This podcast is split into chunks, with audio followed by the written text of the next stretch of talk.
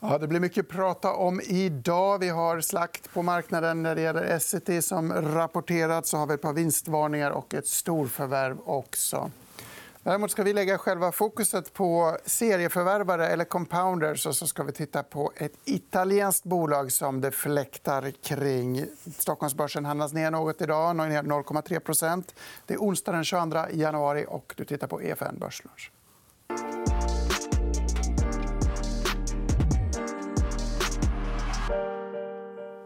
Ja, och varmt välkomna säger vi till Niklas Larsson och Andreas Brock åter i studion som en vinnande duo. Tack så mycket. Vi pratade om eh, viruset lite igår, det asiatiska viruset. Och om vi tänker på lyxbolagen som du brukar prata om när du är här eh, noterade idag att Burberry kom och höjde sin helårsprognos. Trots detta så handlas de ner på börsen. Dels på grund av protester i Hongkong men också på grund av det här viruset. Då. Är det här någonting att oroa sig för? Både ja och nej. Kortsiktigt är svaret ja. Eh, protesterna i Hongkong har haft en effekt på eh, jag tror försäljningen är ner 20, 30, 40% beroende på vilken produkt, eh, lyxprodukt du pratar om. Så, och Hongkong är en, är en, en viktig marknad. När det gäller viruset så påverkas, om, om det här blir jättestort så kommer det påverka kinesiska resandet. Kineserna står idag för nästan 40% av alla större lyxköp. Ehm, Um, 20 inom, mer inom det området som jag fokuserar på, kosmetik och så vidare. Men det, det, de är en väldigt stor grupp.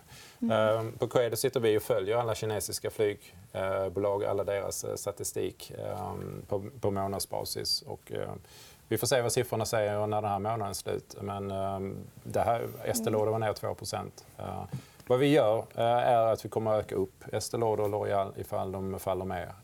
För att långsiktigt så hoppas vi att mänskligheten överlever det här och vi alla går vidare. och Då kommer aktierna komma tillbaka. Niklas, har du märkt smittoeffekter i din portfölj så här långt? Du är också global. Eh, skulle jag inte säga. Nej. Eh, jag har inte så mycket konsumentexponering. Eh. Tittar du på en annan typ av bolag? eller Varför har du inte märkt Nej, men Det är väldigt mycket business to business och mycket mer liksom långa relationer. Inte mycket att nu köper jag en grej och sen går jag vidare. Utan vi har en relation över lång tid och om det skakar lite så kommer vi fortfarande behöva göra de här affärerna. Så att... Vi ska återkomma till din strategi lite grann längre fram i programmet. Intressant att inte bara kinesiska flygbolag noterar amerikanska United Delta är ner mycket. Amerikanska kasinobolag, bland annat. Eh. Nere också svenska Essity presenterade en rapport som slog förväntningarna på de flesta punkterna. Men en formulering om lägre massapriser har skapat eh, pristryck också på själva aktien. Det är sänkta prissänkningar inom massapriset som båda, båda vägen för prissänkningar för eh, Essitys produkter. Aktien är ner hela 6% Vi får komma ihåg att den har stigit väldigt kraftigt också inför rapporten och efter Vindas omvända vinstvarning. När vi ändå snackar rapporter kan vi notera Netflix kom igår kväll, sent. Stark rapport även där. handlades ner lite grann. Man, eh, farhågan var väl att Disney skulle kannibalisera på Netflix-kunderna. Nu verkar det se bra ut för Netflix ändå även om eh, abonnentstillväxten inte verkar bli riktigt lika hög som man kanske hade trott. Hur många abonnemang orkar man ha? Tror ni, blir det så att en ny spelare Fler. gör att man... Fler är väl svaret. Du har många. Jag har många. Jag har alla. Du har alla. Du har alla. Så att det kommer konkurrenter till Netflix är inte ett jättestort problem, tror ni? Eller?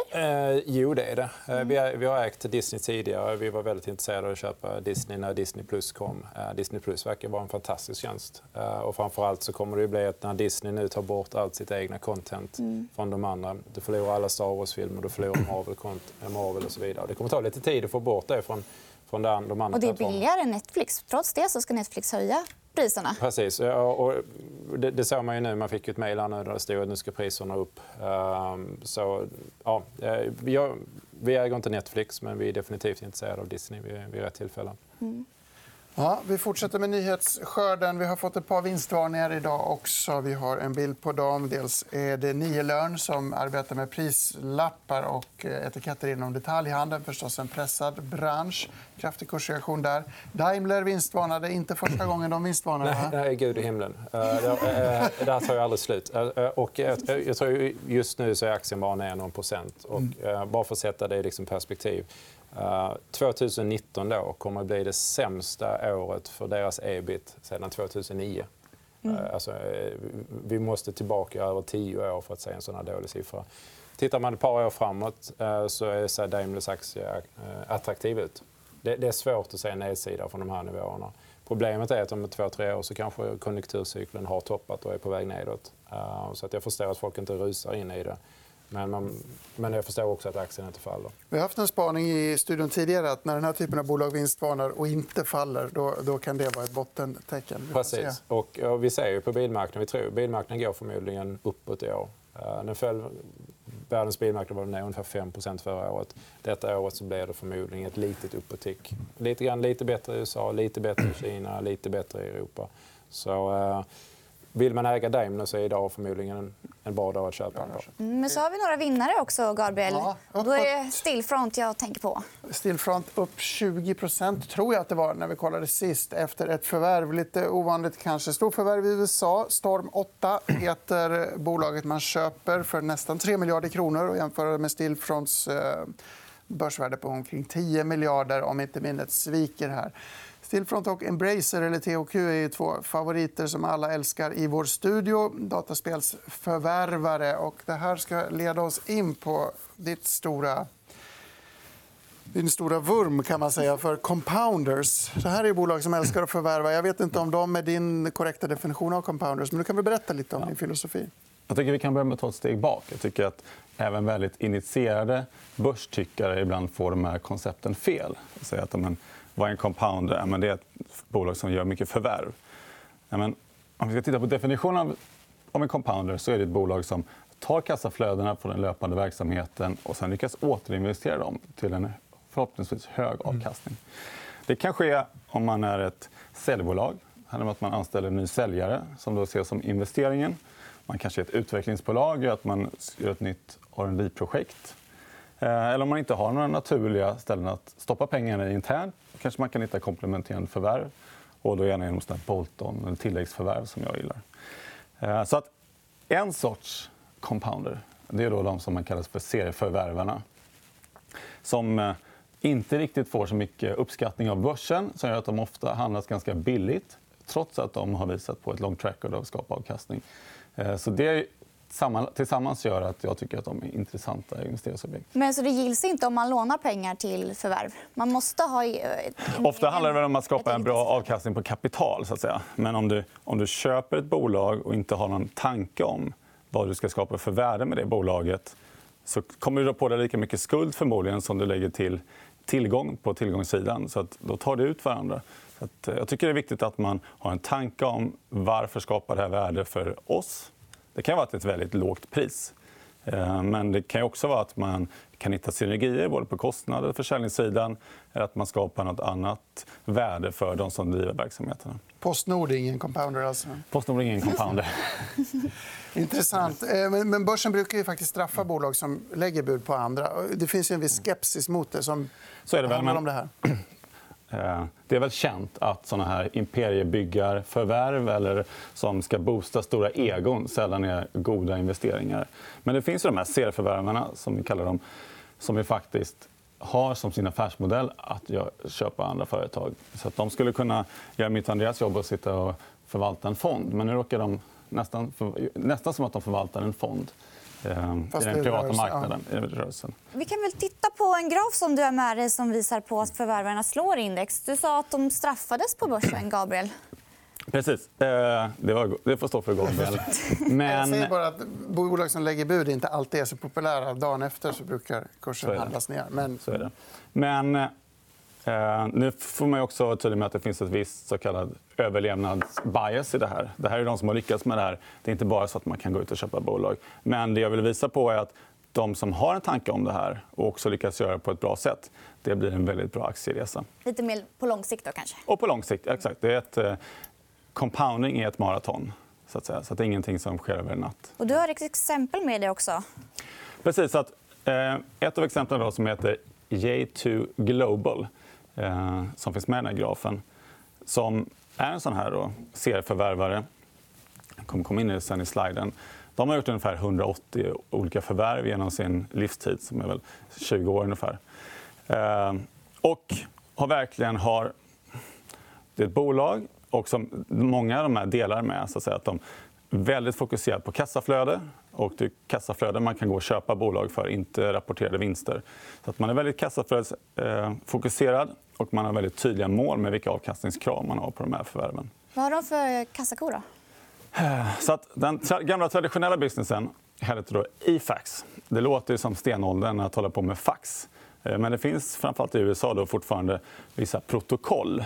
Eller ska säga, inom vissa branscher, som inom vissa government. Man ska faxa recept, medicinska recept eller kreditkortsräkningar. Det får man inte skicka via e-post, men man får skicka det via fax. Och du Andreas berättade att du hade stött på ett bolag här i Sverige som också använder fax eh, dagligen. Still going strong. Kan vi inte backa bandet? Jag är med på faxstadiet mentalt. Berätta lite mer om vad de gör. Fax är en del. Det är media och kommunikation att, i bred bemärkelse. Så att det här är kassakon. Den stora grejen är här. Bolag behöver inte en fysisk fax längre. Så att när din fax går sönder så känner du att Nej, men jag kommer inte behöva köpa en ny. Men en gång om året vill jag faktiskt använda min fax mm. eller ta emot ett fax. Så då prenumererar du på ett faxnummer kanske en dollar om, om, i månaden. Alltså. Så det är ett virtuellt fax. Ja. Exakt. Så det växer då fortfarande i och med att det digitaliseras. Eh, men det är en väldig kassako. Det kostar i princip ingenting att ge ut ett nytt faxnummer. Så tar de alla de här kassaflödena och investerar det de kallar för digitala tillgångar eller olika webbsidor.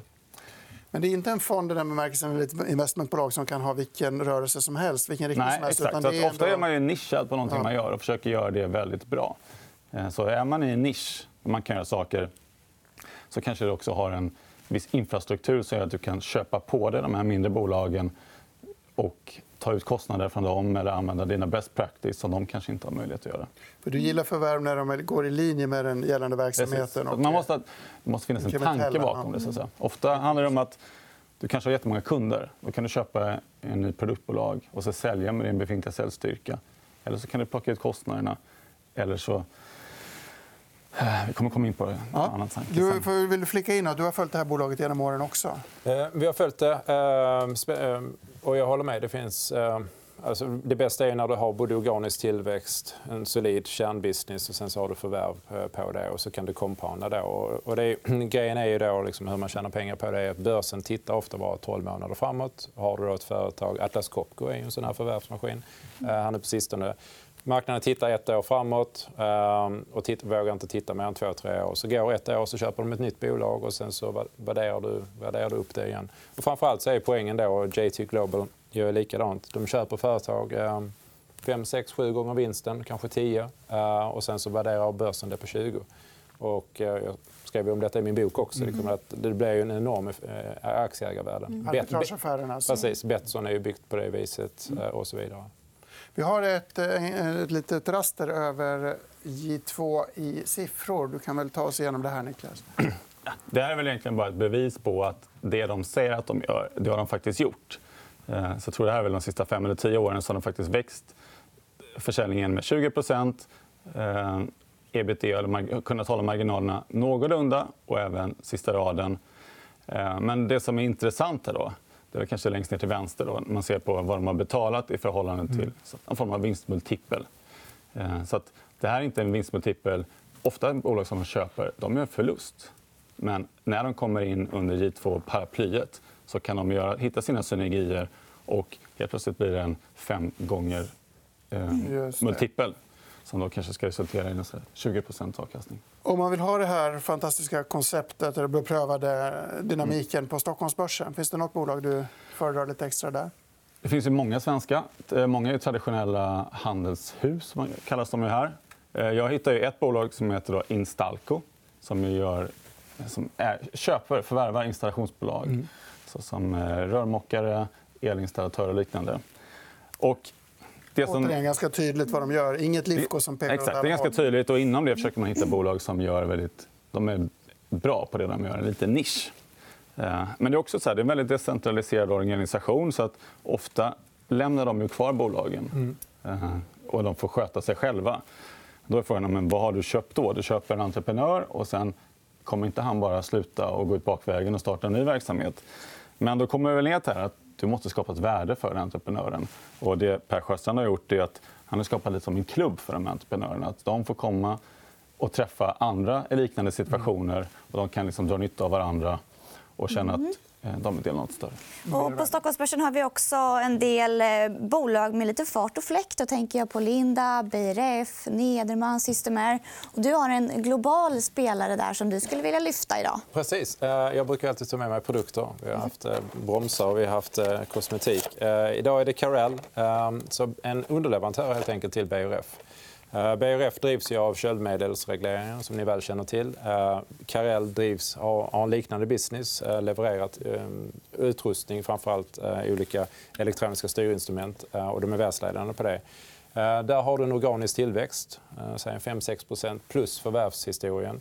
Och, eh, likt andra företag så är de svaga i USA. Många europeiska verkstadsföretag har varit svaga i USA och de gör nu den, den resan i USA som många andra europeiska verkstadsföretag har gjort. Vi hade en ungefär 18% EPS-tillväxt i Q3. Eh, Q4 kanske inte blir lika starkt, men det blir någonting sånt där. Eh, så vi har den här starka organiska tillväxten plus eh, förvärv. Så en riktigt trevlig compounder. Handlas ner i Italien. Mm. Jag och Henrik vi åkte ner och träffade grundarna som äger 75% av bolaget och åt lunch med dem och hade ett fantastisk, fantastisk dag hos Carell i Italien. Så jättespännande företag. Låter är det där produkten eller det, finns, det, finns det mer? Det, det, finns massor med liknande produkter. Men det här är alltså eh, den, det som styr din eh, köldutrustning. Den här måste då programmeras. Då. Och, uh, då måste programmeras din, din, beroende på luftfuktighet, var du är i världen så behöver din, köld, din köldutrustning kanske ha andra specifikationer än den som, som står bredvid. Och allt det här behövs programmeras och Carell erbjuder då att de kan hjälpa till att programmera den här. Så nu håller de på att bygga upp en service business. Eh, de börjar koppla upp de här mot, eh, mot eh, molnet. Så kan de samla in data och mäta exakt liksom, så att du kan minska köldmedelsanvändningen också på kölddiskar över hela, hela världen. Så det är jättespännande. Mm. Du får med den ESG-trenden. precis som Du får med ESG-trenden, du får förvärvshistorien. Så eh, det är ett av våra, vi investerar i världens finaste bolag. Mm. Och det här är definitivt, inom det de gör så är de bäst. Hörrni, jag tänkte vi ska runda av dagens program med ett litet boktips så att vi håller oss vittra och eh, på tårna. Du har med dig en bok som vi skymtar i bakgrunden, The Outsiders. Jag har med mig en bok. Exakt. Eh, jag vurmar ju för kapitalallokering. Eh, det här är en bok som Will Thorndike skrev i början på 2000-talet. Han har tittat på åtta fantastiska vd som också har skapat väldigt mycket aktieägarvärde genom kapitalallokering. Det finns lite olika typer av stories, men kapitalallokering är nyckeln. Eh, mycket välskriven och tål att läsas om. Tål att läsas om. Mycket bra. Den som vill titta om på Börslunch kan förstås göra så här eller på Youtube. Imorgon är vi tillbaka med ett nytt avsnitt. Då ska det handla om Ryssland och öst Europa. Vi får se vad Elena Lovén och Fredrik Colliander har med då. Tack så mycket. Häng med oss då. Och tack för idag. Och tack för boken. Tack så mycket. Tack så mycket. mycket.